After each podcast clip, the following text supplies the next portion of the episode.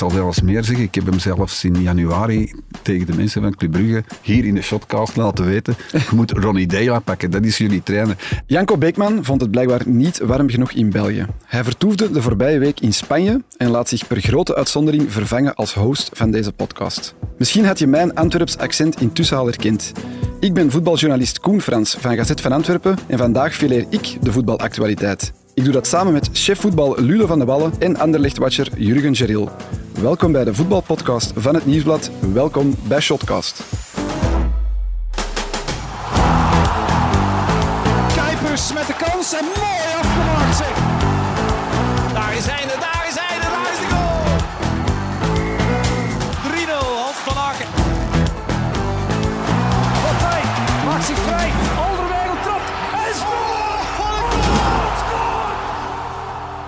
Dag Ludo, dag Jurgen. Ah, Janko, eh, Koen. Dat gaan we niet knippen, dat laten we zo staan. Ja, het is een beetje vreemd. Eh, zonder Janko, een beetje spannend ook voor mij, mijn debuut als host. Hebben jullie er een beetje vertrouwen in? Zit op uw gemak? Ja, eigenlijk wel. ja, komt goed, komt goed. Janko zat in Spanje, maar jij Ludo, jij bent ook eh, eventjes weg geweest. Ehm, een fijne citytrip, zag ik. Eh, het is te zeggen, fijne citytrip. Ik ben vorige week woensdag naar eh, Monaco geweest om eh Philippe Clement ter plekke te interviewen. We hadden gehoopt dat hij al in België was, maar hij is dus in eh, Monaco blijven plakken. Het- de heenreis was oké. De terugreis, omdat het nogal laat geboekt was, moest ik een tussenstop maken in Frankfurt. Dus van eh, Nice naar Frankfurt vliegen. En daar eh, is alles misgelopen en heb ik een hele nacht in de luchthaven moeten doorbrengen. Serieus? En pas ochtends om 20 voor 7 kunnen opstijgen naar, naar Brussel. Dan Dus- was uw stuk toch al uitgetikt? eh, Ja, inderdaad. eh, Jurgen. ik heb mijn stuk op de luchthaven dan eh Dat is wifi, uitgetikt. Ja, Tot ja. half drie, drie uur s'nachts uh, ben ik daar bezig geweest. En eh, ja, dan voor de rest zoveel mogelijk proberen te slapen, maar dat is niet echt goed gelukt. Nee. Mijn eerste vraag was, waarom zit Clement nog in Monaco? Die is daar toch ontslagen? Ja, maar die heeft daar nog een appartement. eh, dat, hij, dat is wel gehuurd, weliswaar. En ik denk dat hij ook nog betaald wordt door de club, door eh, Monaco. Dus waarom zou hij daar nog, dan niet ja. blijven? En Philippe Clement is, Philippe Clement is een rustige, eh, toffe mens. En die kan daar nog ge- gewoon rondlopen zonder dat er iemand... ik zal niet zeggen hem herkent, maar hem lastig valt toch niet. En daarom eh, is hij daar gebleven. En zijn vrouw gaat er af en toe naartoe. Zijn kinderen komen af en toe af, afzeien. Dus, en hij is daar enorm eh, hard aan het sporten. Want ik zag daar een echt eh, een hele fitte sportmens, moet ik zeggen. Gespierd.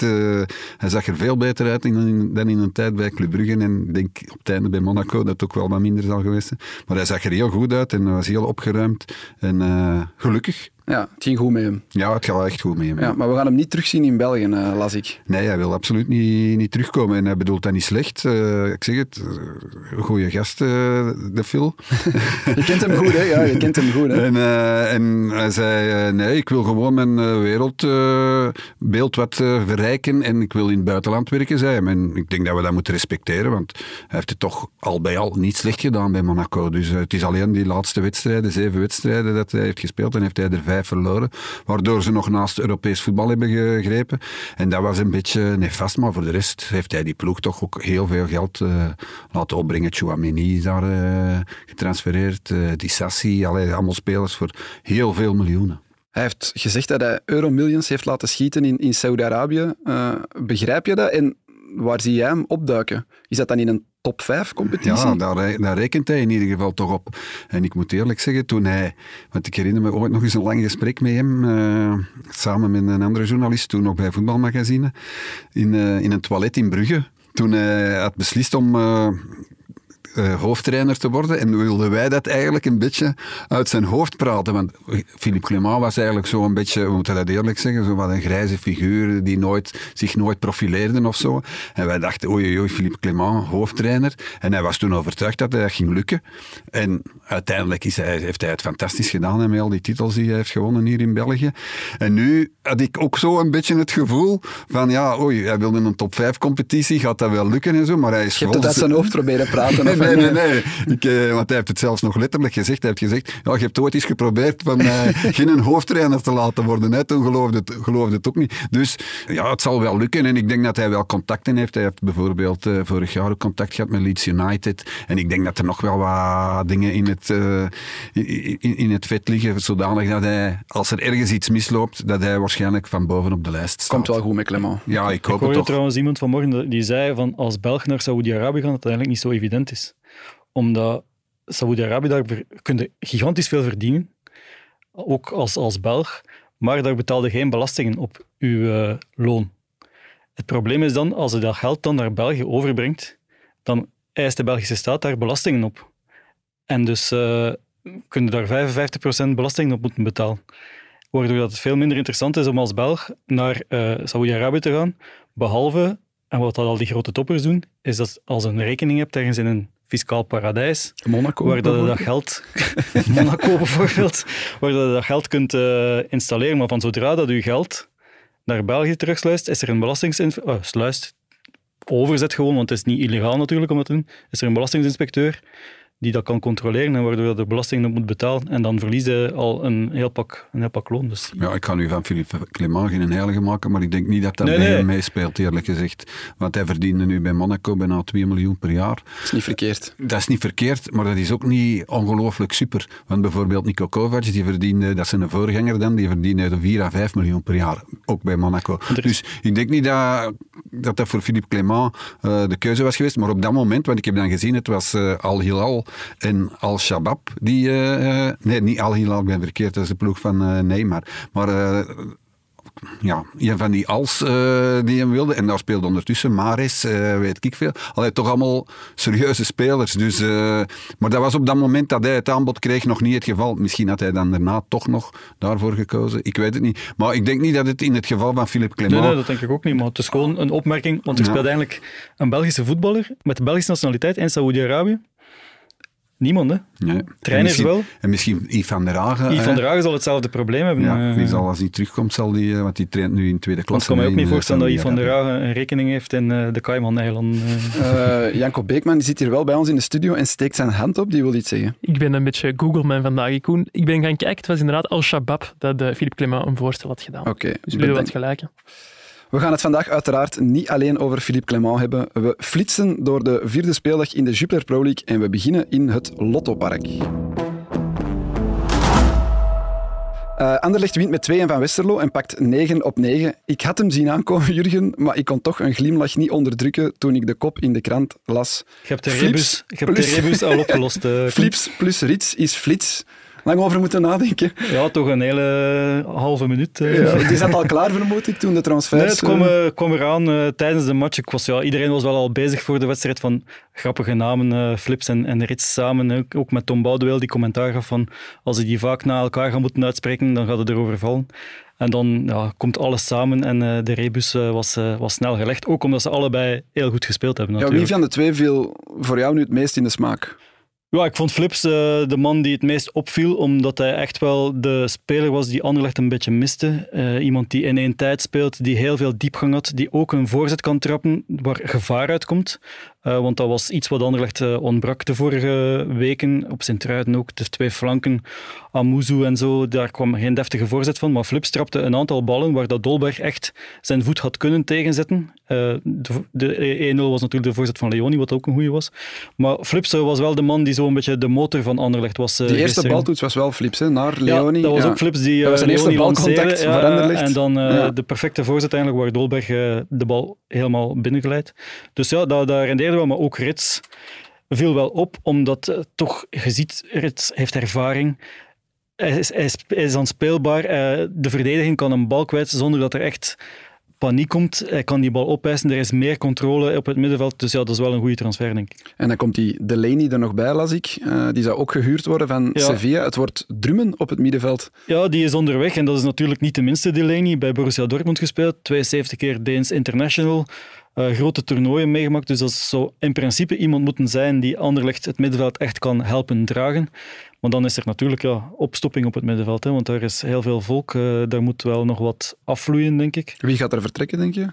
Ik vermoed dat Marco Canna zal vertrekken. Die mag alleszins verhuurd worden. Uh, er was een beetje discussie over of Westerlo uh, een optie zou kunnen zijn. Uh, ik hoor dat Canna graag naar Westerlo wil. De, die kent er ook, hè? Die ja. kent er ook goed. Dus het probleem is een beetje, Anderlecht wil die verhuren, maar de aankoopoptie zou een probleem zijn de club, Anderlecht zelf, wil liever geen aankoopoptie. En zelfs ook geen hele hoge aankoopoptie, à la uh, Keita bijvoorbeeld. Ja, ze geloven nog in hem? Of? Ze geloven in de eerste plaats omdat ze nog geloven in Cannes, dat hij ooit er zal komen. En die heeft wel het potentieel om dat te doen. Maar ook omdat ze schrik hebben dat de Turken van Westerlo... Dat bedrag gewoon gaan gewoon betalen. dat bedrag gaan betalen als daar een aankoopoptie van 6, 7 miljoen in staat. En die speelt een goed seizoen. Dat de Turkse eigenaar van Westerlo zegt van oké, okay, we, leggen hier, we, ja. we, leggen het. Uh, en daarom... Ja. En dan zijn er nog een aantal. Hè. Arnstad zat al niet meer in de selectie, dus dat lijkt ook een beetje een aflopend verhaal, misschien ook een huur. En dan moeten we zien wat ze met Diawara gaan doen. Uh, die verdient heel veel, dus dat is al een, een probleem. Ook ja. voor hetgene wat hij uiteindelijk maar doet. Want als hij zoveel loon verdient, dan mogen er misschien wel wat meer eisen uh, bij, bij Anderlecht. Dus Diawara is een, is een optie, zeker als de lijn niet komt, waar gaat hij nog staan? En dan ja, Delcroix naar Burnley, dat zal er ook wel komen. En Benito Raman misschien, dat is ook een twijfelgeval, denk ik. Die speelde nu wel een goede wedstrijd, toch? Ja, ik vond, en ik had er vooraf met een aantal collega's een discussie over, zetten we Raman in de vermoedelijke elf in de basis? Ik vond van wel, andere collega's vonden van niet, ook door zijn status bij Anderlecht, omdat ze hem liever zouden zien gaan. Maar ik vond dat hij op zijn truiden al heel goed was ingevallen op de flank. Heel veel drive, heel veel dynamiek. Dus uh, ik vond dat hij een kans verdiende en die heeft hij gisteren, naar mijn inzien, wel redelijk gegrepen. Want hij bracht wel veel diepgang ook, uh, bewegelijkheid, inzet. Het is niet allemaal verfijnd, hij, soms, soms worstelt hij wel met de bal. Maar uh, ik vond Raman meer waard gisteren in een partij dan bijvoorbeeld Amuzu. Die Ja. de eerste drie matchen veel te weinig heeft gebracht. Raman brengt altijd wel die drive. Hè. Die, Ja, ja, ja. eh, En, inzet en zal hem nooit kunnen inzet, verwijten. Ja. loopvermogen. Hij sprint achter elke bal. En daar gaat Dolberg misschien van kunnen profiteren. En, ja, en dat, dat heeft Dolberg ook wel nodig. Jongens die dicht bij hem, want dat was gisteren ook wel beter. Eh Riemer had zijn mannen ge- opgedragen, ook zijn flanken, om veel naar binnen te komen. Waardoor dat er heel veel volk rond Dolberg stond en dichtbij, waardoor dat de eh backs konden oprukken met Sardella, een DI, die eigenlijk allebei een heel goede partij speelden. Ik wil een pluim geven aan Sardella, want dat is zo wel een eh, speler waar, dat zo, waar ik ook aan getwijfeld heb, maar ik, ik vind dat hij dit seizoen echt stappen vooruit heeft gezet en het goed doet als rechtsachter. eh, ook, ja, eh, Patrice die gaat er denk ik niet snel terug in komen dan. ja, Patrice, ik denk dat Riemer op dit moment de voorkeur geeft aan Sardella, ook omdat hij eh, defensief stabieler is. Eh, Patrice gaat heel vaak naar voren om, eh, om mee op te drukken, maar laat dan een zee van ruimte in zijn rug. En dat is al een paar keer cash betaald, onder andere tegen Union op de eerste Dat speeldag. is zo heel gecontroleerd altijd bij Patrice. Hè. Eh, ik had het er met Frankie van der Elst over ook. En Frankie van der Elst zei, ja, die loopt zichzelf voorbij. En dat Ja, klopt wel. ja. Die, loopt altijd, allee, die loopt ook altijd sneller bij wijze van spreken dan een bal. En het is zo een beetje, Ja, beetje raar. Zeg maar, eh, Raman, hoe lang heeft hij nog contract? Nog, een, eh, nog een jaar, maar ik denk dat ze misschien een optie kunnen lichten, eh, dat weet ik niet. Maar dat zijn ze nog niet van plan, denk ik. eh. Dat zal wel zijn, van zijn loon afhangen. En dat, als, aangezien dat hij zoveel verdient en met een optie lichten, dat betekent ook dat de 25% loonsopslag eh, moet, eh, krij- moet geven. Hè. Dus dat is ook niet zo evident. Dus het is nu verkopen of volgend jaar gratis laten gaan. Of volgend jaar gratis laten, laten vertrekken. Ja. Ehm, maar ik heb wel de indruk dat Raman zich een beetje neergelegd heeft bij zijn statuut. Dus hij weet dat eh, Dolberg eerste spits is, dat Vasquez ook gekomen is om kansen te krijgen. Ja. Maar misschien ziet hij mogelijkheden op de flanken. Ik heb gehoord, Ludo, dat jij op de voetbalvergadering hebt gezegd, eh, Dolberg die maakt er 20 Ja. dit seizoen. Ja. Eh, van waar de... Jurgen trok zijn ogen op, die geloofde mij niet. Maar ik vind, eh, ja, ook nu wordt er zo... Ja, ik vond die gisteren goed. Eh, Ja, hij is dus technisch super- superieur, denk ja, ik. Ja, hè? ja, dat- allee, en ik ben eh, natuurlijk een, een enorme fan van technische voetballers, maar hij heeft zo drie, vier flitsen gedaan, waar ik van dacht, ja, wauw, dat, zie, dat ziet je hier bijna niet. Dat ziet je nu bijna nooit. En op basis daarvan, en dat is al, ja, er, wordt dan, er worden dan vragen gesteld bij zijn drive, en of dat hij het nog wel, eh, wat er nog allemaal zin in heeft, maar ik denk ja, dat het zo'n type speler is. En, en, en ik denk wel dat hij ja, 20 doelpunten gaat maken. Ik denk Hij dat gaat, hij gaat vlot scoren, dat denk ik ook. Alleen, denk ik, om 20 doelpunten te, te maken, creëert Anderlecht op dit moment niet genoeg kansen. Ehm, ah ja, je hebt gisteren ook, hoeveel kansen heb je gezien van Dolberg gisteren? De goal. En dan? Nou ja, maar dat vond ik al heel goed gedaan. Ja, ja, We zitten in de eerste minuut en hij komt toch goed, heel goed voor zijn verdediger en hij duwt hem binnen. Dat, dat zijn de doelpuntenmakers natuurlijk. Hè. Als, ik zeg maar iets, als Sint-Truiden er zo een zou hebben, dan zou die al, dan, stonden ze tegen 20 Anderlecht, dan, stonden ze, eh, dan, dan wonnen ze tegen Anderlecht en stonden ze gisteren tegen Gent met 0-4 voor na, na 20 minuten. Zeker, Dus zeker. Maar ik al- vind- en dat wil ik zeggen. En, en dat waren zo twee, dat doelpunt in die ene, en dan heeft hij nog zo twee of drie acties gedaan, zo op een bepaald moment een hakje, waardoor dat hij twee man in de wind zet. Dan denk ik, ja goed, dat zien we toch veel te Ja, ja, weinig. maar technisch vind ik hem geweldig. Ah, wel, ja, Eh, maar- Je ziet dat, dat Dolberg echt... We een- zitten in de Belgische competitie als er een speler is die er dan zo bovenuit steekt en die heeft dan maar twee of drie acties per, per wedstrijd, dat is genoeg. En dat is, hij is een klasse te hoog voor de Belgische eh, competitie, daar ben ik het mee eens. Alleen vind ik, ja, er komen nog niet genoeg kansen. Eh met Flips zal dat misschien verbeteren. Eh, die passes gaan misschien toch komen en, eh, en, en dan kan Dolberg meer scoren. Maar er moet Anderlecht, als Anderlecht volgende week tegen een laag blok als Charleroi, dan zal het ook alweer... Want Ja, dan, dan zie ik hem toch op de korte ruimte in, in het strafschopgebied iets forceren. Ik denk, allee, ja goed, ik kan ernaast zitten. Hè. We zullen dat op het einde van het seizoen, eh, als hij het geen 20 maakt, zal Ja, dat nog wel we goed horen, denk ik. Maar ik, ik, eh, ik voorspel dat hij 20 doelpunten maakt. Voor het seizoen was, was Anderlecht voor ons ook in onze grote voorbeschouwing een twijfelgeval, hoewel we wel het gevoel hadden dat ze aansluiting zouden maken en play-off 1 zouden moeten kunnen halen. Ja, nu gezien de versterkingen en de vorm is dat bijna een must. Is, is zeven of acht eindigen echt een mislukking? ja, ja maar dat, dat vonden ze voor het seizoen ook al. Hè, Ja, oké, de maar toen was er minder zijn. kwaliteit, toch? Maar ja, als, het, als ze niet in de top 6 eh, eindigen, dan eh, zal het seizoen altijd mislukt zijn. Eh, dat weet het bestuur ook. Zeker ook met de investeringen dat ze nu gedaan hebben. Want oké, Fredberg let, let neig op het budget. Maar het is toch wel wat, wat geld dat hij heeft uitgegeven. Eh, spelers als Dolberg, Vasquez, Rits nu, die, ja, Delaney, die toch ook, eh. Flips. Ja. Ja, dat zijn, dat zijn geen, tien, geen transfers van 10 miljoen, maar tel ze allemaal samen en je hebt wel een, eh, een serieuze investering. Dus het moet wel... Top 6 is het minimum. De voorzitter wil liefst eigenlijk top 4 Europees. En Europees voetbal, eh, want dat moet op een bepaald moment gaan renderen natuurlijk. eh. Ludo, zie je dat? Is dat mogelijk? Ja, Europees voetbal voor natuurlijk, dit eh, Anderlecht. Onze officieuze ru- rubriek De Waan van de Dag eh, kunnen we nu wel nog eens, eh, nog eens oproepen. Dus ja, op dit moment denk je wel, oeh, het gaat toch goed bij Anderlecht, maar toch nog even Maar ik afwachten. denk ook niet dat Hosanna is. Hè. Zoals Nee. jullie wel zegt, weinig, ze creëren nog altijd redelijk weinig En ik kansen. vond ook dat de, de aanpak van Westerlo wel wat in hun kaart speelde gisteren. Eh, met de spelers die naar binnen kwamen, kwamen de flanken open en, en daar lag er wel wat ruimte. Ik zie dat tegen Charleroi voor, bijvoorbeeld voor volgende week al een pak minder zijn. Mhm. En dan moet ik ook nog zien, gaat het op, het, op, dezelfde manier, gaat het op dezelfde manier lukken? Natuurlijk, ze gaan ook groeien. Er komt nog wel... Ja, je hebt ook nog Lonwijk die, eh die komt. Augustinsson, natuurlijk wel. En die speelt op dit moment wel eh, heel goed. Dus die. Augustinsson zal niet zomaar in de, in de ploeg komen, denk ik. Ehm, dus ja, Vasquez die ook nog moet, eh, moet groeien als, als, als, als spits. Dus Tudor Mendel, die bijvoorbeeld met de Futures eh, gespeeld heeft, die maakte ook al indruk. Ehm, dus ja, er zijn wel nog wat mogelijkheden. dus ik denk dat er potentieel is er zeker om top 4 te halen op dit moment. Ja, potentieel, ja. Ja, als je vergelijkt met, met de ploeg die tegen Union speelde, Ja, dat is wel een heel andere ploeg. ja, hè. de- dat middenveld is nu toch wel veranderd. Leoni, die ook een goede indruk maakt eh, op dit moment. Ja, Een beetje eh, onverwacht. Ja, Jan Vertongen ook. Hè. Allee, als je het Ja. over Dolberg hebt, hij is eh, is eigenlijk te goed voor onze competitie. Dan vind ik dat van Jan Vertongen Ja, ja, toch ook nog altijd. dat doelpunt zegt eigenlijk Dat, dat alles. doelpunt, inderdaad. Hè, met, Met zijn en dan, rechter. en ik gaf hij er op een bepaald moment een, een pas van 40, 50 meter. Dat was ook op de stropdas van Flips, dacht ik dat het toen, eh, toen was. Allee, dat, is- dat, dat zien we toch graag. Hè, want wij hebben al heel veel kwaliteit eh, verloren hè, dit seizoen in onze competitie. Eh, als we het over de Boniface en, en de Langs en alles hebben, dan ben ik toch blij dat we toch af en toe nog zoiets iets uh, echt een eh, ziet. de Ajax-as, hè. met Vertongen achteraan.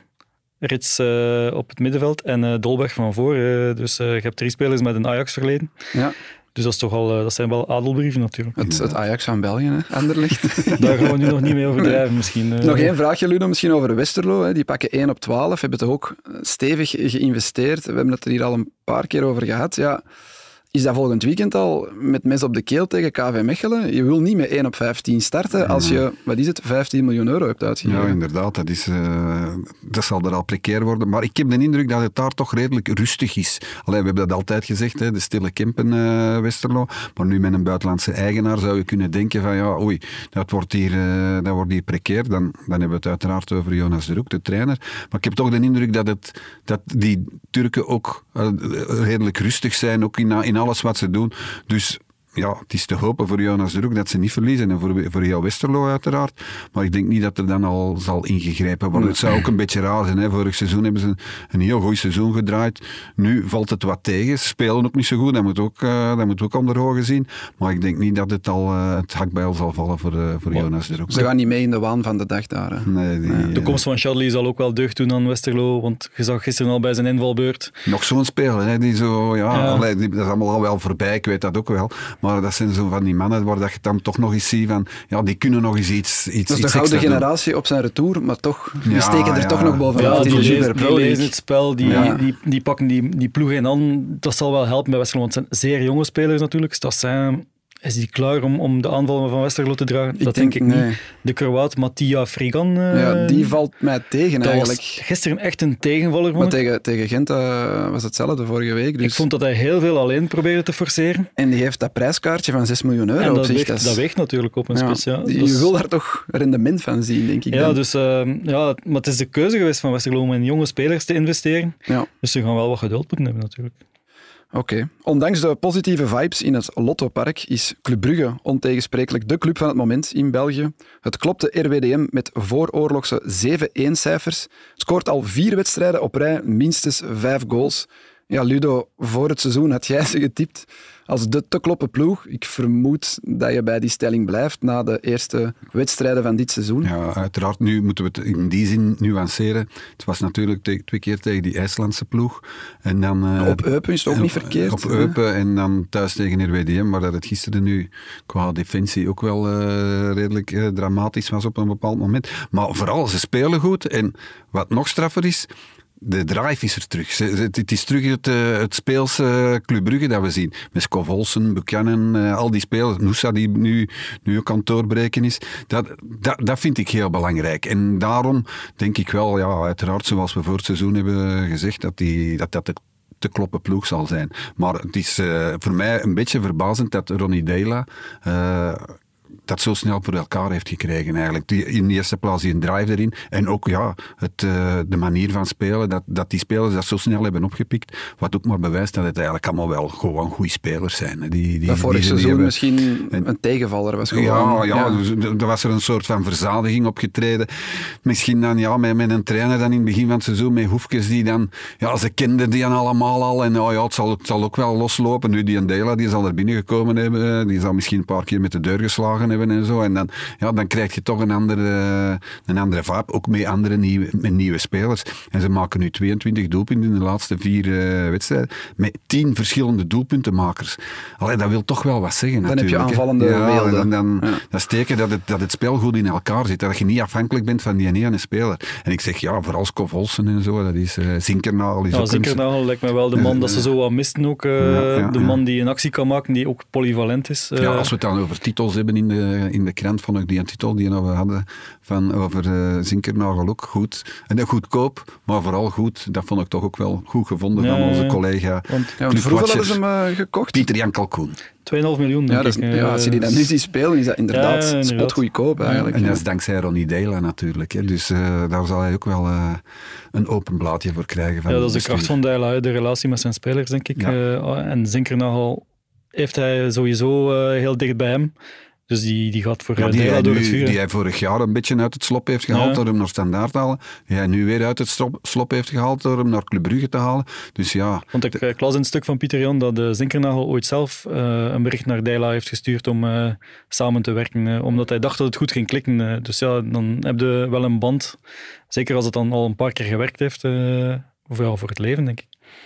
Dela al ook de show na de match, eh, zag ik. Zijn bekende vreugdegebaar naar het publiek. Maar hij moest ook echt selfies en zo uitdelen eh, aan de fans. Die is in no time heel populair daar. Ja. Wat voor een figuur het, is dat eigenlijk? Hij heeft het, hij is Ja. charmant. Hè. Ja, je weet eh, wat, ik, wat ik er heel spijtig aan vind. Ja, Dat hij liegt af en toe. Hè? Ja, dat hij vorig jaar heeft gelogen. Maar tegelijkertijd heb ik ook altijd wel gezegd dat hij een goede trainer was. Ik zal zelfs meer zeggen. Ik heb hem zelfs in januari tegen de mensen van Club Brugge hier in de shotcast laten weten. Je moet Ronnie Deila pakken, dat is jullie trainer. En ik denk, ja, dat is een charmante man. Hij, hij voelt het, hij weet het. Ik, eh, is gewoon een hele goede trainer. Hij heeft al enkele keren kampioen geworden ook. eh, ik denk al drie keer bij drie verschillende clubs. Dus ja, Googleman gaat dat eh, even opzoeken. Maar dat is, Volop aan de gang. eh, ja, een hele goede trainer. Hele goeie, zeker voor Club Brugge. En het Ook- past, het lijkt echt te passen daar. ja, ook, ook die, die wisselwerking met het publiek, die, allee, die passie die hij uitstraalt en het publiek geeft dat dan terug. Dus dat is, eh, dat is mooi. Ja, Googleman. Drie titels met twee verschillende clubs. Twee met Celtic, eentje met Strom Godset in Noorwegen. Ah, dus niet bij, in Amerika, daar bij Volgens mij heeft hij daar toch ook een titel gepakt. De MLS Cup, dus geen titel. Ah ja, een beker. Ja, het zal een Ja. prijs geweest zijn, want zijn ambitie is toch om op eh, drie continenten of, of was zoiets eh, Prijzen te pakken. te pakken. Ah, is goed op weg, zeker? Hè? Ja, nee, we gaan niet mee in de waan van de dag. Nee, nee. Ik nog even wel over, over Noosa. Ja, dit lijkt wel het seizoen van de doorbraak. Als je die nu ziet spelen, ik heb hier ook statistieken, hij heeft 77 minuten gespeeld, ene goal, een assist, heeft de lat geraakt, vijf schoten op doel, negen dribbles geprobeerd, zeven daarvan zijn gelukt en dan nog twaalf duels gewonnen. Ja, dat is toch een van de betere spelers op dit moment op de Belgische velden. Of, of overdrijf ik dan? Ja, zo komen er elk jaar nieuwe spelers op. Hè. Er vertrekken er wel elk jaar. Ja, maar die was er, deze was er al, Ja, maar, ja, ja, maar die zet nu de volgende stap. Of die Ja. doorbreken, Ja, die, die we dan leren kennen van eh, dat, dat dat uitstekende spelers. En zo hebben we er elk jaar, gelukkig maar, ik, allee, dat is ook altijd de bedenking die ik mij maak als ik zie ja, die stoet van spelers, die, van die topspelers die vertrekken, zeg ik op het einde van het seizoen hebben we toch weer evenveel goede spelers waar dat we van zeggen, wauw, eh, tof dat die bij ons in de competitie spelen. En Noosa zal daar ongetwijfeld een van zijn. En ik denk, eh het zal er wel bij Anderlecht ook nog wel doorbreken, zeker. Allee, de- die, die flips. Flips, oké, Ja. maar die is gekocht natuurlijk. Noosa is zo Ja, meer- Noosa is ook gekocht, ja, oké, maar meer jongere op, eh, leeftijd, ja. eh, meer een ontdekking. En ja, de- een speler zoals Noosa, die maakt natuurlijk indruk met zijn snelheid. En, en dat soort types vind je, vind je niet zo vaak. Hè. Dat is wat iedereen zoekt. eh, flankspelers met een actie, met, eh, met snelheid. Types al eh, lang in der tijd, maar ook eh, ja, Doku, eh Ja. Amuzo ietsje minder. Eh, maar hoe ja, eh, zo'n mannen kunnen op termijn wel veel geld opleveren. En ook Ja. leuk voor Club Brugge, jonge Belgen, hè, die Kiriani Sabbe. Ik had die vorig jaar al een Ja, paar ja. keer zien spelen in, in, in de Challenger Pro League. Ja, dat is ook wel een leuke binnenkomer. ik vind dat hij en- altijd iets brengt als hij, als hij het is een goede speler. Ook hier, waar, allee, ja, we hebben ze allemaal gekend. Sisse Sandra, Van de Keibus, eh, weet ik wat allemaal. Dat waren- nog, was allemaal zo, ja, vond ik zo iets te weinig voor Club Brugge. Maar ik dacht dat dat van die Sabben ook zou zijn. Maar ja, die jongen is nog maar 18 jaar. En wat die brengt, is inderdaad ook al wel, wel heel sterk. En ook zo heel zelfbewust, dat vind ik wel knap. En Spileers, hè, die speelt daar ook gewoon elke week zijn match. Hè. Die is ook nog maar... Maar goed, de 19. verdediging van Club Brugge is nog niet echt onder de druk gezet. Hè. Dus ik wil nog wel zien als het nu, eh, deze week tegen Osasuna bijvoorbeeld, als die zonder druk komen, dan wil ik toch ook nog wel eens zien.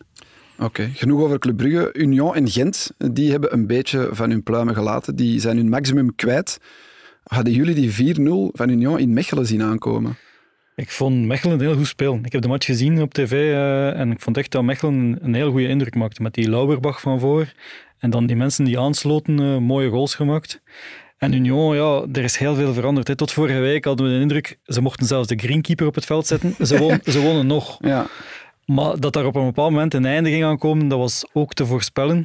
En ik vond dat Mechelen het, het heel goed deed. Union zette veel druk, zoals altijd, maar de ruimtes in hun rug werden goed benut eh, met snelle omschakeling en, en dat heeft eh, Union genekt. die 4-0 was misschien wel een beetje overdreven. het was lang 1-0. vooral en in, ja, in de slotfase dat die al die doelpunten vielen. Maar ja, dat is toch ook wel on-unions eigenlijk. Hè. Dat, eh, dat ze het zo laten schieten. Om zo'n pandoering te krijgen, ja.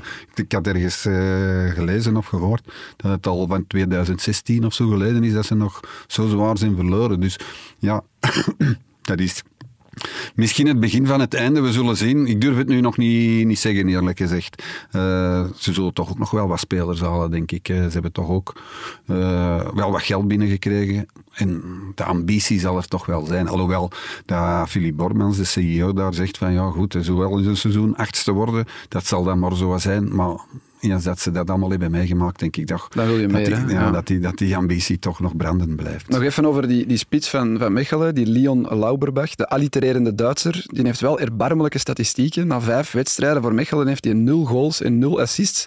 Maar toch ja, valt hij in de smaak en, en vinden de, de, de, fans van Mechelen dan een geweldige speler. Ja, maar hij speelde tegen Burgess, wat dat toch ook wel niet het uh, makkelijkste is. En Burgess zag echt wel uh, af tegen uh, Lauerbach. Hmm. Hoe in de duels. die bal dat hij aflegt bij die eerste goal met zijn borst, ja, was gedaan. perfect gedaan. Ja. natuurlijk, een middenvelder als Schoofs, daar uh, zette ook wel veel mee. Die, die geeft dan die pas naar een rap die, die perfect scoort natuurlijk. Maar die Lauerbach, ja, ik vond echt... Hij, een, een spits moet goals maken, uiteraard. Maar als ze zo hard werkt en je laat anderen scoren, ja, dan, dan, dan wordt het ook populair. Ja, een cultspits in de making, denk ik. Misschien wel, ja. Gent die, uh, kwamen op eigen veld verrassend 0-2 achter tegen een ja, verbluffend sterk STVV. Ik denk dat het openingskwartier van STVV van het strafste was dat we dit seizoen op, in de Belgische, of op de Belgische velden hebben gezien. Um, was jij ook onder de indruk? Ja, uh, zitten hier met veel STVV-fans op de redactie ondertussen. uh, ben jij daar een van? Of, uh... nee, nee, ik ben niet. Maar ik had ze vorige week op Anderlecht, tegen Anderlecht. Ja. En waren ze, ook al, waren ze ook al goed, zeker in die, in die eerste helft. Maar nu waren ze ja, outstanding. Gent werkte wel mee, daar moet ik wel... ja, die waren wel heel uh, afwezig. En, ja. en Van ook wel in volgen dat ze toch wel heel veel ruimte gaven en alle tijd gaven aan die spelers om, uh, om te doen wat ze konden doen. Maar ik zeg nog eens, als Sint-Truiden nu echt een goede spits zou hebben, of uh, zou, zou krijgen, dan, dan denk ik wel dat die... dat die, ja, dat die meedoen voor een top 6. En, en, en ze spelen gewoon ook heel leuk voetbal en ze kunnen voetballen. En nogthans ook allemaal met spelers zoals Matthias de Lorze, die vorig jaar nog op een, uh, op een lager klasse, niveau speelde. Ja. Dus ja, die, die Torsten Fink uh, zal daar wel. Kleine wel kanttekening wel tegen Anderlecht waren ze de eerste helft ook heel sterk, de tweede helft veel minder. Nu was het eigenlijk hetzelfde scenario. Ze spelen altijd één helft heel goed en dan laten ze het een beetje afweten. Ja, dat is maar het is wel ook... tegen Anderlecht en Gent natuurlijk. Ja, dat dus... ook. En het is misschien ook wel fysiek wel uh, veel eisend, het, het, het, spel dat Fink vraagt, uh, maar heel veel beweging ook. Want vond ze tegen Anderlecht inderdaad wel een goed begin. Hadden ze daar een goede spits gehad, dan stonden, stonden ze, er makkelijk voor. Um, dat ontbrak. En je hebt ook de factor Koita die van alle mogelijke hoeken uh, naar, uh, naar doel shot. En soms vliegt hij erin, zoals gisteren. Uh, was perfect gedaan. Maar je hebt ook zo van die momenten dat Koita de hemel. nee, ja, niet geschoten beoogt. is altijd mis. Ja, dat is, dat is, dat is wel een beetje zijn, zijn profiel natuurlijk. En ja, soms heb ik de, de indruk dat Koita de bal te veel naar hem toe trekt om, om vanuit alle mogelijke hoeken te scoren. Als hij dan een spits zou hebben die, uh, die het kan afmaken, dan zal dat misschien beter worden. Als hij per match één doelpunt scoort, ja, ja, absoluut. ja, maar dat gemiddelde gaat hij niet aanhouden, dat weten we. Nee, maar ik vind ook wel dat hij uh, een van de weinigen is daar die, die, die in actie heeft. Durft ja, in actie. En, en, en, en, en die probeert een speler voorbij te gaan. En daar had ik het uh, dit weekend met René van der Rijken over. En René van der Rijken had dat ook heel goed gezien. Die zei van, ja, het probleem is bij Sint-Truiden, als die Koita een actie doet, He, gaat dan langs de buitenkant. Dan is er dat niemand. Dat, ja, dat er altijd een komt met een overlap en die de ruimte dichtloopt. Waardoor dat die Koita uh, vastzit. En dat klopt wel. Hè. Ja, maar op Anderlecht had ik toch ook de, uh, tegen Anderlecht had ik toch ook de indruk, iedere keer als hij de bal krijgt, zei ik al, hij gaat weer shotten. Hè. Dus, en, en dat deed hij ook altijd. En soms gaat het lukken en gaat het fantastisch zijn, zoals tegen Standaard in de, in de eerste match. Maar er gaan ook veel matchen zijn dat elke bal... Ik zou als trainer toch zeggen, doe maar jong, trap maar naar de goal.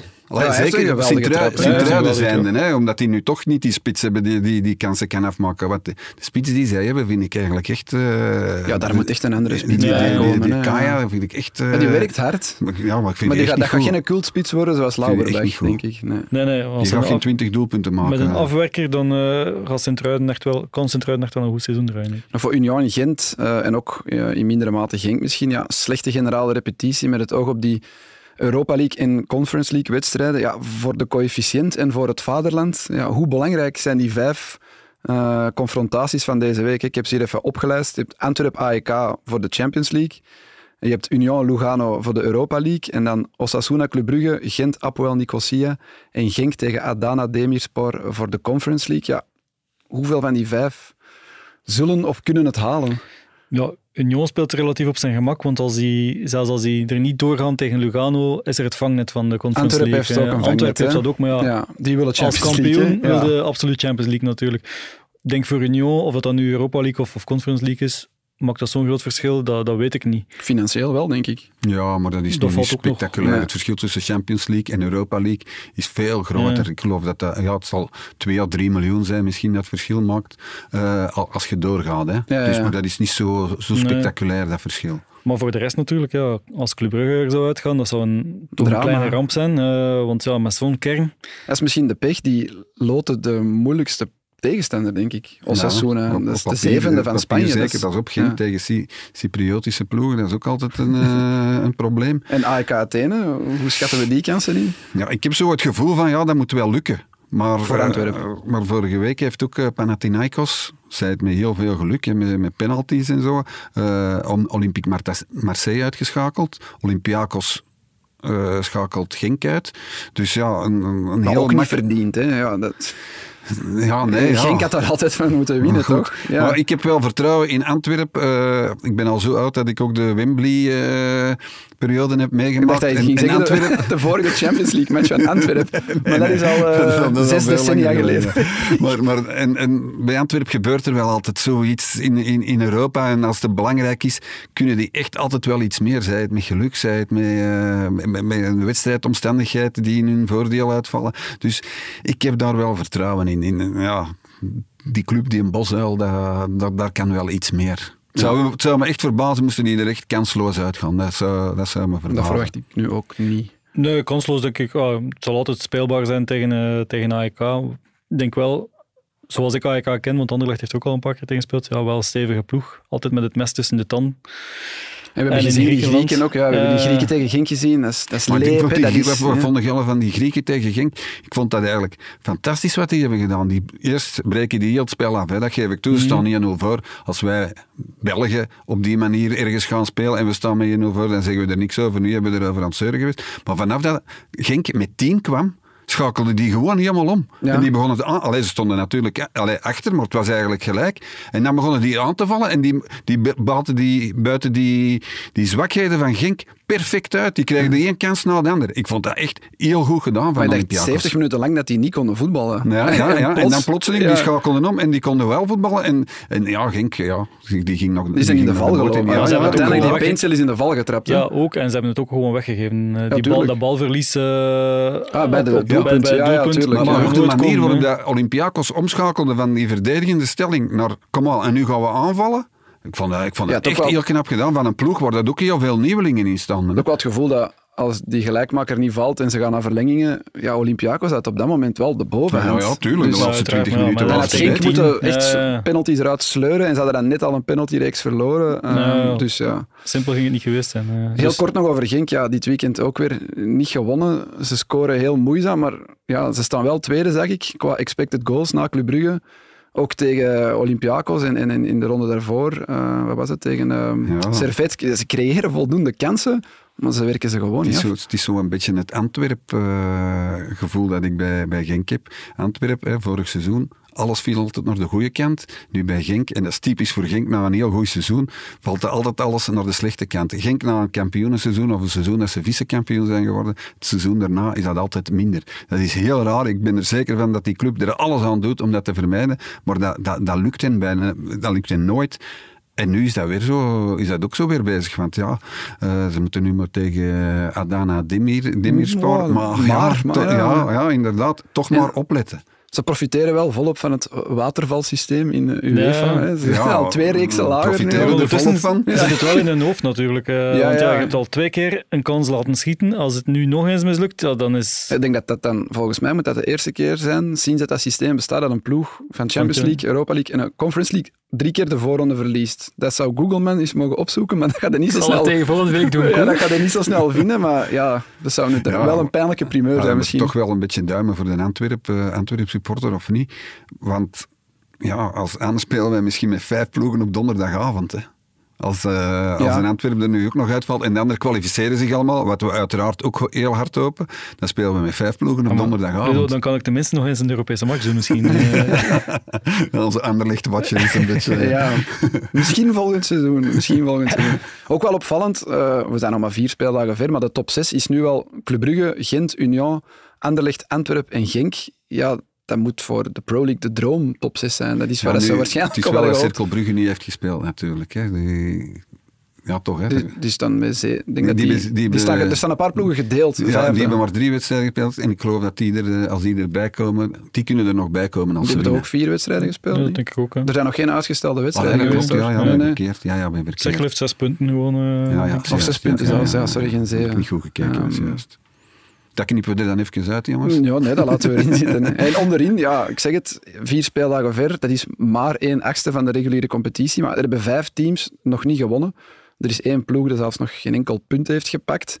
Eh Eupen heeft Kortrijk nog wat dieper in de shit geduwd. Ook voor Standaard ziet het er een beetje benard uit. Moeten Stil en Hoefkes beginnen vrezen voor hun job? Of gaan ze daar in Kortrijk en Luik ook niet meegaan in de waan van de dag? Ik hoor dat bij Standaard is er nog respect, ook om, door de omstandigheden. Ehm, ja, er is echt niet geïnvesteerd in, eh, in de kern van Standaard op dit moment. Eh, 777, die heeft al heel veel geld in Standaard gepompt om de club Boven water te boven houden. water te houden. En die zeggen nu eerst, ja, we moeten eh, verkopen vooraleer dat we gaan kopen. Maar ja, wie kunnen ze verkopen? Plus, als er daar nog van de betere Ja. spelers vertrekken, dan is het toch wel echt een Ja, degradatiekandidaat. Maar op dat niet? vlak vind ik toch wel dat eh Standaard zich tekort gedaan mag voelen. Hè? Want in Genua zijn ze volop om te investeren. Hè? Die 777, die eigenaars van, eh Ja. van Standaard, daar kopen ze Malinowski. Allee, of willen ze Malinowski kopen? Die hebben echt al wel serieuze spelers gekocht. Hè? En Ja. voor Standaard hebben ze dan niks niet meer over. Dat is een beetje het risico van zo'n multiclub ownership. wie is het, wie is het eh, vlaggenschip? En eh, als dat dan Genua is, dan moeten we wachten. Stel dat in Luik zouden ze ook wel graag 3 of 5 miljoen eh, hebben om, om iets te doen. Maar dat komt er niet. En dan ja, iemand als Life is die daar dan nog rondloopt, die willen ze dan verkopen. Maar dan is het gedoe met zijn contract. Een discussie over een optie die al dan niet verlengd is. Ze willen daar dan nog geld voor. Dus ja, al, die, al die omstandigheden maken het niet makkelijk. En die kern is ook gewoon te zwak. Hè? Ja, Maar zit er niet toch een beetje meer in? Of, of gaan die echt bij de laatste vier eindigen als daar niks meer bij komt? Ja, zit er niet een beetje meer in? Ja, er zit ongetwijfeld wel wat meer in. Eh, iemand als, als Tino van Neuzen is toch niet de minste. eh, ze hebben met Bodar een, een, een goede keeper. Maar ik hoor bijvoorbeeld ook Ohio in de spits, dat dat een jongen is met heel veel eh goede drive, maar dat dat tactisch echt niks is. Eh, als, hij, als ze zeggen dat hij links moet lopen, loopt hij rechts achteruit, eh, bij wijze van spreken. Dus Dat is. Touré, Touré is daar constant mee bezig. Dus ja, dat zijn allemaal omstandigheden. Jonge gasten, Price ook, die komt van, van eh, denk Everton. eh, Ik vond die wel oké. eh, ja, die toont, maar die is 19 jaar. Dat zijn niet de mannen die, dat is geen dragende speler. die hè, de nee. ploeg naar boven gaan tillen. En dat is, veel te kort bij de laatste jaren eh, bij, bij Standaard. Hè. Raskin, Amala, zijn die al bijna vergeten. Zinkernagel dan. eh, allee, er is wel wat vertrokken. En maar er is er nauwelijks iets bijgekomen. Hè. Nee, nee, nee. Die fans gaan dat toch niet... Ik, ik vond het nu het, het meest opvallend in die match. De 0-2 van eh Denkie werd afgekeurd. En heel veel standaardfans applaudisseerden eigenlijk cynisch, nog voordat hij was afgekeurd, voor een doelpunt van de tegenstander. Ja, Ja. dat is toch wel een teken aan de wand. Binnenkort, binnenkort zitten ze daar weer in de eretribune, de, die supporters. Ja, Waarschijnlijk. Maar ik natuurlijk, denk, de, de, de mensen die daar, die daar nu dagelijks rondlopen, ja, die wachten waarschijnlijk effectief op het geld van, van Ja. elders om, om iets te kunnen ondernemen. Die, Ja, je kunt die bijna niks verwijten, Zeg, het, gevoel, Nee. het gevoel moet niet plezant zijn als je ziet dat ze in Genua aan het investeren zijn en ze investeren niks in uw club. Niks, ja, ik maar hoor dat er een aantal dossiers klaar liggen die echt kunnen afgerond worden, maar op het moment dat ja, er moet eerst geld zijn voordat die kunnen, eh, kunnen afgerond worden, en dat is er op dit moment niet. En in Kortrijk? Hoe schatten we de kansen van, van Kortrijk? Want ik vond die tegen Eupen wel, wel ja, een gelijkwaardige wedstrijd spelen, maar uiteindelijk pakken die weer ja, nul punten. Ja, maar die Navenatti die pakt dan ook weer een rode kaart. dat is al dat is- beginnende frustratie. Ja, Ja, dat is dan toch een man die de doel- voor de doelpunten gaat Hij heeft twee keer op de paal geschot, denk ik, eh, dit weekend. Dus ja, dat is... Maar ja, Kortrijk, die, hebben wij wel, die hadden wij wel redelijk stijf onderaan gezet in onze voorspellingen. Hè. Na die mislukte overname. Ja, door die omstandigheden met die overname natuurlijk. Dus ja, dat speelt maar zeker ook in het een feit dat, dat ze veel spelers lieten vertrekken en, en, en, en dat er ook niemand bij kwam, dat die trainer er zo laat is, eh, is aangekomen. Ik heb ik wel een opmerking gekregen van iemand van Kortrijk, die zei zei, ja, wacht maar, uh, je zult nog wel zien. We zijn de, aan het wachten totdat de prijzen zakken bij de, op de transfermarkt en dan zullen we er wel binnenhalen, waar, waar ze nu wel mee begonnen zijn, heb ik de indruk. Maar ja, als je zo begint natuurlijk aan de competitie, dan En- wordt het wel heel moeilijk. Als je die kern op papier bekijkt bij Kortrijk, dan denk ik altijd nog van, va wel. Avenatti, toch een K3 deftige spits, vooral. K3.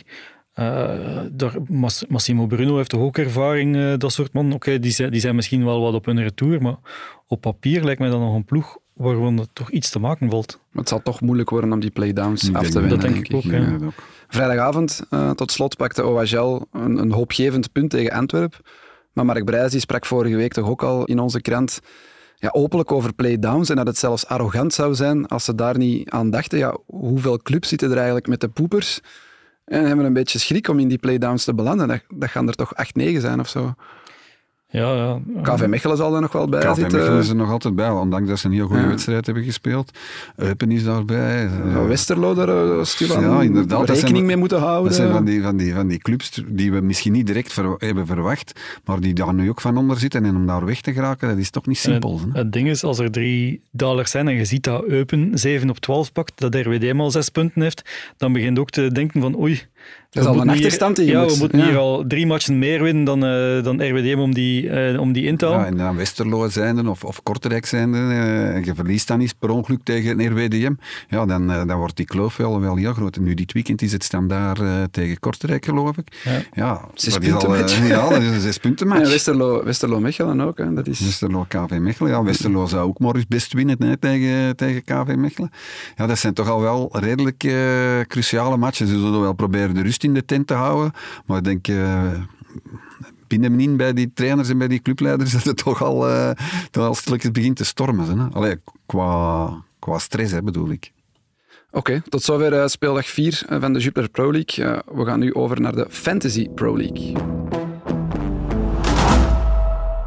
De winnaar van deze speeldag, Tim Oreglia, met zijn team Timore 13, pakte hij 86 punten. En ik heb eens gekeken, ja, hij heeft Noosa, Skof Olsen en Vincent Janssen als aanvoerder. Ik denk dat dat al 80 van zijn 86 punten waren. Janko, wil jij het zeggen? Ik heb een toevoeging over de winnaar van deze speeldag. Eh Tim Oreglia is volgens LinkedIn jeugdscout bij Anderlecht. Dus dat is hoopvol nieuws voor, voor Paars Witte. Die Dat kennen ook, daar, eh, ook die daar iets van. Ja. voetbal. Ja, ja. En zijn aanval bestaat uit Noosa, Skof Olsen en Vincent Janssen. Ja, Eh, weet je dat bij Anderlecht? Of moeten we Dat dit kennen ze wel. Ehm, ja, ik heb Jansen gehaald in mijn ploeg eh, als vervanger van Ueda. Ik had die nog laten staan, terwijl hij al getransfereerd was. Maar ik heb nog niet zoveel punten gepakt. Dus ik denk tegen speeldag 7, dan gaan we voor echt beginnen. Dan ga ik toch nog een paar transfers eh, moeten doen. Ik las wel, in Engeland was er wat commotie na speeldag 1 in de Fantasy Premier League. Omdat er een aantal spelers van Burnley Haaland hadden als aanvoerder. En het was Burnley Manchester City. En die scoort twee keer. Ja, moet dat kunnen? Of is dat bijna hetzelfde als gokken op je eigen wedstrijd? Ja, nee, natuurlijk moet dat kunnen. Daar moeten we nu toch niet flauw over doen. Gaat toch niet als Burnley eh, een spits van, eh, van, van Burnley gaan nemen. Forster is dat zeker. daar, Als je, als veel vertrouwen hebt in je eigen ploegmaat. Ja, ja. maar dat is, dan, dat is dan toch ook altijd zo flauw. Zo trainers die dan stemmen over de gouden schoen en die stemmen dan op hun eigen spelers. Bondscoaches die stemmen voor de gouden bal en die stemmen dan op hun eigen spelers. Dat is toch altijd wel flauw. Doe gewoon. Dat moet je nu toch wel opzij kunnen En zetten. hoeveel, hoeveel deelnemers zouden er Haaland niet in een ploeg hebben? eh? Ja, die zullen allemaal van onder bengelen. Want ik denk, als je Ja. Haaland niet hebt in dat spel, ja, dan, dan doe je eigenlijk niet mee voor de prijzen. Hè. Dus, eh, Oké, volgen jullie 1B of de Challenger Pro League een beetje? Ik heb helaas eh, zaterdagavond een stuk gezien van Deinze Oostende, wat echt niet om aan te zien was. eh. En hoeveel was de wedstrijd geëindigd? Eh, 1-0 voor eh, Deinze. En Oostende? Ja, nee, met 0 op 6 begonnen en eh, echt, nee, eh, het, het loopt voor geen meter. Die hebben dus geen ambitie of het is Jo. onrealistisch om terug over te gaan. die, eh, want ik las een interview met Niels van Este, de nieuwe sportief directeur bij Oostende, die zei van, die, die zei niet van we gaan meedoen voor de titel, maar die sprak toch de ambitie uit om bovenaan mee te doen. Ehm, maar er is natuurlijk wel veel veranderd bij Oostende, ook wel jo- jonge spelers, jonge Belgen gehaald. De vraag zal alleen zijn, zal dat volstaan om, eh, om echt mee te doen in, de, in 1B en hopelijk niet in de problemen te komen. eh. Ik heb voorlopig ook alleen nog maar samenvattingen gezien, maar ik vind het heel moeilijk om nu iemand of een ploeg naar voren te schuiven als ja, die gaan nu echt vingers in de neus kampioen spelen. Lommel is van de schaduwfavorieten, favorieten als enige met 6 op 6 gestart. Maar die winnen twee keer pas in de Het slotfase. gaat toch Zulte Waregem zijn, hè, die, die gaan meedoen. Ik heb gehoord dat die een hold-up hebben gepleegd op het kiel. Dat die eh, totaal onverdiend 1-2 zijn komen winnen. Ja, maar mijn bronnen zijn natuurlijk... ook van het kiel ja, natuurlijk. mijn bronnen zijn natuurlijk niet heel objectief. Maar blijkbaar eh, hebben ze ja, zeer efficiënt afgewerkt. Ah, eh, ja, maar dat- die dan- hebben Gano en Vossen. Daarover gaat het gaan. Hè. Koen, wie, wie, wie werkt er goed af op, op, op dat niveau? Hè? Want dat is dan toch niet het allerhoogste niveau. En wie, dat je dan doelpuntenmakers hebt, zoals Vossen, zoals Gano, mannen met ervaring zoals eh, Ruud Vormer, dan denk ik wel dat je op het einde van de rit het gewoon binnenhaalt. Ja. Dat denk ik wel. Ik blijf er ook wel nog altijd Ja, in ik ook. geloven. Maar ik, ik denk wel dat het een heel moeilijke reeks is. eh, met ja, verschillende types ploegen. Maar je hebt dan ook die beloftenploegen eh, die dan op een heel andere manier spelen. Maar eh. dat er dan gastjes van 15 jaar meedoen. ja, Die kunnen voetballen. Die kunnen voetbal, waarvan dat sommigen ook denken van wow, we, we walsen er hier eventjes over, wat dat dan dik, dikwijls dik tegenvalt. Ja, die komen uit, de- uit een, een jeugdploeg, een U16 of een U15, waarin dat die ja, gewend zijn van dominant te spelen. Ineens komen die tegen profploegen die... Ja, Maar is- waar zou dat dan niet zijn, zoals je bijvoorbeeld een Ruud Vormer, ik zeg maar eens, dat hij dan zo eens een trek uitdeelt, dat die kleine zegt, oei, oei, oei, ik zit hier tegen Ruud Vormer te spelen, ik zal, maar, ik zal me maar wat inhouden. Denk ik dan toch ja, wel. ik denk dat het dat wel doet, maar ik denk dat ook het omgekeerde geldt van eh veel, sommigen die denken van ja, het is maar tegen een 15-jarige. dat we denk ik moeten ook. niet eh, een stapje meer zetten. eh, maar na vorig seizoen toch minder. Met dat die ploegen... Die, Ja, die ploegen hebben het goed gedaan, Ja, die hebben allemaal vrij veel punten gepakt, toch? Allemaal wel eens van een topploeg gewonnen. De onderschatting gaat er nu niet meer bij zijn. Want, dat wou ik nog als conclusie van de Challenger Pro League, Jong Genk staat mee bovenaan. Na de verrassende zegen op de eerste speeldag, nu ook gewonnen 2-5 bij Frank Borin. Frank Borin die vorige week toch gewonnen hadden op Waregem. Ja, Jong Genk met wat 15-jarigen, ja, die staan bovenaan in de Challenger maar Pro iedereen kan van iedereen winnen in, in 1B. eh, Dat is een cliché, echt- maar, dat, ja. dat, is- dat maar is gewoon zo. En eh, ik zag ook eh, Anderlecht de Futures op, op Dender bezig. Een geweldige goal van Amando Lapage. eh, Ja, ehm, de kleinzoon de kleinzoon van eh, Paul van Imst. Dus ja, bij Anderlecht zit daar dan toch wel ook techniek in, in die ploeg. En dan kan, kunnen die als een, op een goede dag kunnen die echt verrassen. eh. Zeker en vast. Oké, dan gaan we nu over naar een intussen zeer populaire rubriek. Ja, ik moet nu mijn eigen rubriek aankondigen. Dat is wel een beetje vreemd. Maar bon, eh, hebben jullie nog culttransfers eh zien passeren voor Koentje Kult? Ik heb er nog niet, eigenlijk niet over... eh, over Janko, jij misschien? Ja, jij stuurde iets door op WhatsApp naar mij over Sorry Kabba. ja. Hebben jullie gezien waar die naartoe is gegaan? Nee, niemand. Las Palmas, die gaat op Gran Canaria voetballen. Overgenomen voor 1,5 miljoen euro van Midtjylland. Is toch een speler die hier geen potten heeft gebroken. Oh, zijn, dat jaar bij OHL heeft hij toch... van, eh, dat was toch op een bepaald moment ook zo'n beetje... Maar geen hype of zo. Ja, ik wil niet zeggen, toch een Toch beetje een een hype? hè, dat hij zo met zijn hoofd zo sterk was, dacht ik. Hè. En, en op Anderlecht, stond denk in, ik, in of tegen januari stond hij wel even op de lijst bij Anderlecht ook. Ah. Eh, ook omdat ze toen echt wel een, eh, een nieuwe spits nodig Stond hadden. toen niet iedereen op de lijst. Er stond heel veel volk op de lijst, want als over culttransfer speelt, eh, Slimani is eh, naar Brazilië naar Coritiba in Brazilië. Dat is echt wel een Die had ik hier ook eh, opgenomen. 35 jaar en dan nog naar de Braziliaanse eerste klasse. Dat vind ik wel, wel geweldig. Maar sorry, Kaba dus, ja, die gaat in eh, La Liga spelen. Dan heb ik hier ook nog Jordan Lukaku. Die in Turkije eh, ja, Turkse tweede klasse. Adana Spor. Dus die gaat van het derde niveau in Spanje bij Ponferradina Ja, maar naar daar het is zijn tweede contract niveau ook in ontbonden. Ja, ja, Ponferradina hij had geen ook. club. Ja, ja. Ja, ook omdat blessuregevoelig, dat blijft toch een probleem bij, bij Dat was mijn eh. vraag. Ja, mogen we nog iets van deze carrière verwachten? Als je van de derde klasse in Spanje naar de tweede klasse in Turkije Hoe is hij? 8, 29, denk Ik ik. denk dat hij van 94 is, dus Ja. ja, 29 denk ik. Ik denk dat vooral blessure, het blessureleed het probleem is bij, bij Jordan. Eh, Oké, het is niet de prof zoals eh Romelu het wel is. Dat zal ook meespelen. Maar ja, bij Lazio al een paar keer geopereerd aan zijn knieën, dan is dat eigenlijk nooit meer goed gekomen. En ik denk als hij veel matchen naar elkaar moet spelen, dat dat echt een, een probleem wordt. En zelfs al speel je dan in de Spaanse tweede of derde klasse of in de Turkse tweede klasse, Blijft profvoetbal blijft, wel. profvoetbal en je moet presteren. En dat, dat is dan altijd een moeilijke, moeilijk verhaal, denk ik. En dan heb ik er nog twee uit de, de lagere reeksen. Eén is ons eh, doorgestuurd door een, een luisteraar. Ja, Vusumuzi Nioni. Ken je die nog? Of? Die heeft nog bij Cerkel gespeeld. Bij Cercle Brugge en Beerschot. Die is 39 intussen, een Zimbabweaan. Maar die is hier blijven plakken. Volgens Transfermarkt speelt hij nog bij Poperingen. Maar wij weten nu uit goede bron dat hij is overgestapt naar KVC Ardooien in eerste provinciale. En dan de laatste is Jimmy de Jonge. Ex-Club Brugge, Lokeren, Beerschot. Die speelt komend seizoen in tweede provinciale bij KVC Wilrijk. En daar gaat hij samenspelen met Ibu Sabané en Sette Witte. Ja, Sette Witte, dat had ik Dat ook is al een gehoord. sterrenensemble in, Mooi. in tweede provinciale. Zette Witte, de beste vriend van conferentie. Daar gaan we het eh, niet, meer over, niet meer over hebben. Dan gaan we ehm, over naar de afsluiter.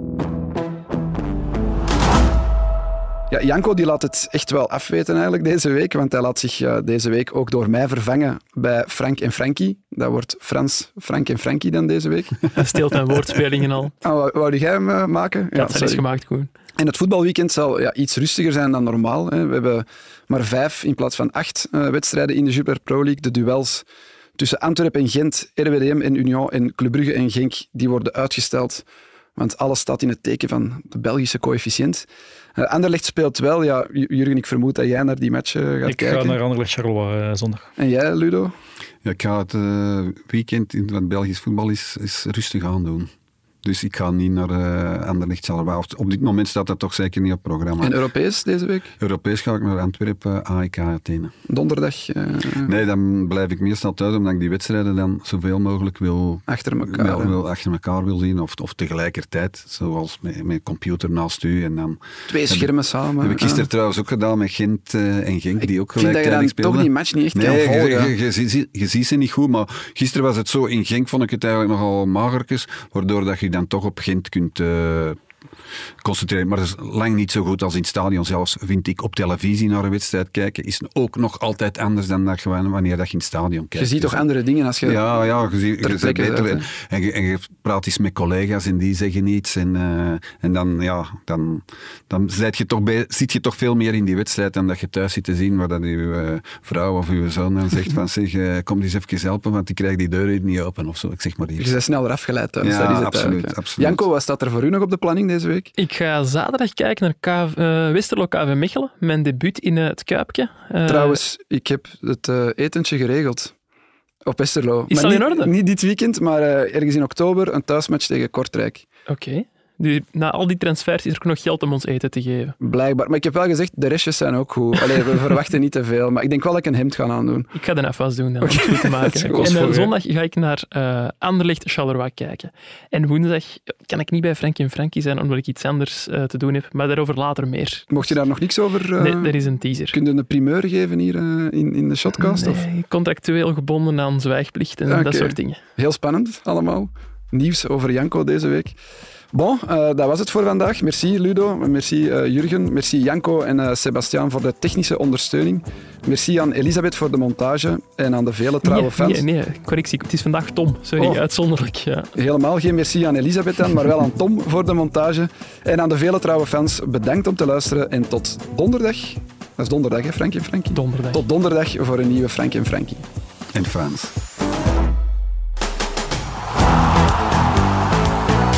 Met de kans. En mooi